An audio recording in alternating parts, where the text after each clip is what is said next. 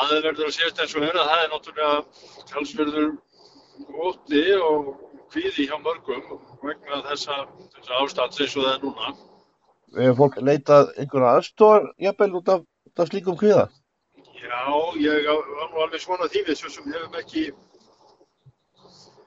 ég hef ekkert eh, sem sérstaklega upplýsingar um það. Við hefum eins og að verið að reyna svona að gera okkar til þess að fólk uh, leiti sér aðstofar og, og erum búin að vera að kortleggja möguleika okkar og svona annara í, í, í bæði bæðikerfin og, og kannski enga aðeila til þess að til þess að leita undir með fólki. Þannig að það er nokkuð líka sem að við, við höfum gengið í gegnum svipað áður þó að þetta sé núna með því erfiðara að þá um, þekkir fólk nú líka kannski leiði til þess að að leita sér aðstofað sjálft hafandi að glíma við svipað tilfinningu áður.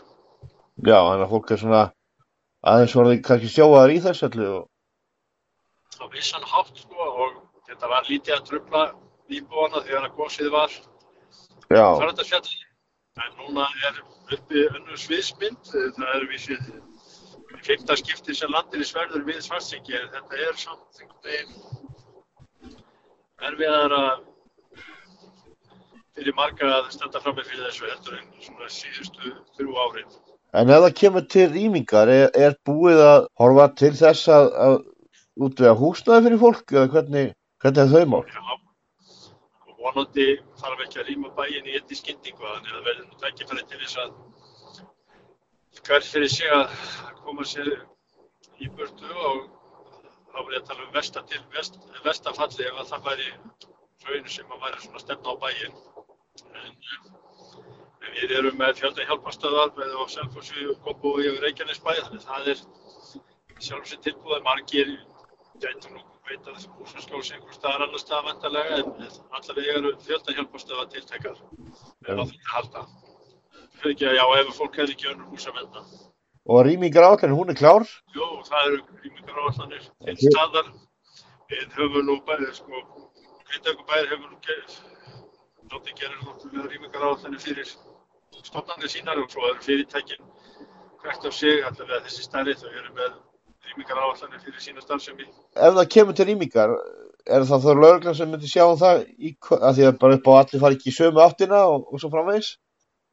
Já, lögreglan stýrir umferðinni og börgunsveitar mm -hmm. og það er, er lokað vegum eftir aðtökum inn í bæinn þannig að það tröfla ekki umferð út úr bænum eða tilkæmi.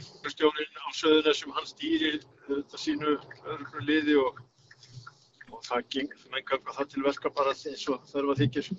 Var þetta raforkuna ef það færi nú þannig að ramagni færi og til að hafa kannski nóg ramag gæti komið til greina að fá kannski varskipið til að geta haldið þátti kannski allir starfsefni eitthvað slíku?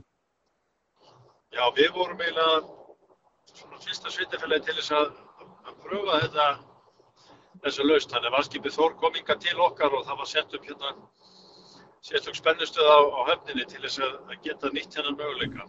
Þannig að við, við vorum búin að undirbúa þetta líka á sinu tíma. Þetta myndi nú ekki dögunum að að hluta til.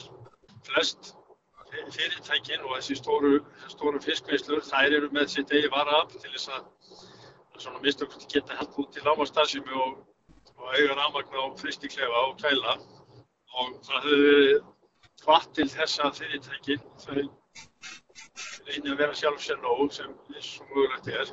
Síðan er verið að setja upp núna varaaflstöðvar, þrjár stöðvar í, í bænum sem hverjum sig er 1,2 kW nei megawatt fyrir þau og uh, að þessu samanlögðu að þá á að vera hægt að reyka heimilinn í bænum þó að stærri fyrirtæki þurfa að vera sjálfsjörn og enda geta þau svona flest öll eins og ég segi séð um sig þannig að það er að ég bara með að koma setjabartin í dag fyrsta vilin til þess að og það verður alltaf komna vantilega bara eftir helgina þessar þjár og tilbúna bara til þess að þessi starta inn á kerfið hjá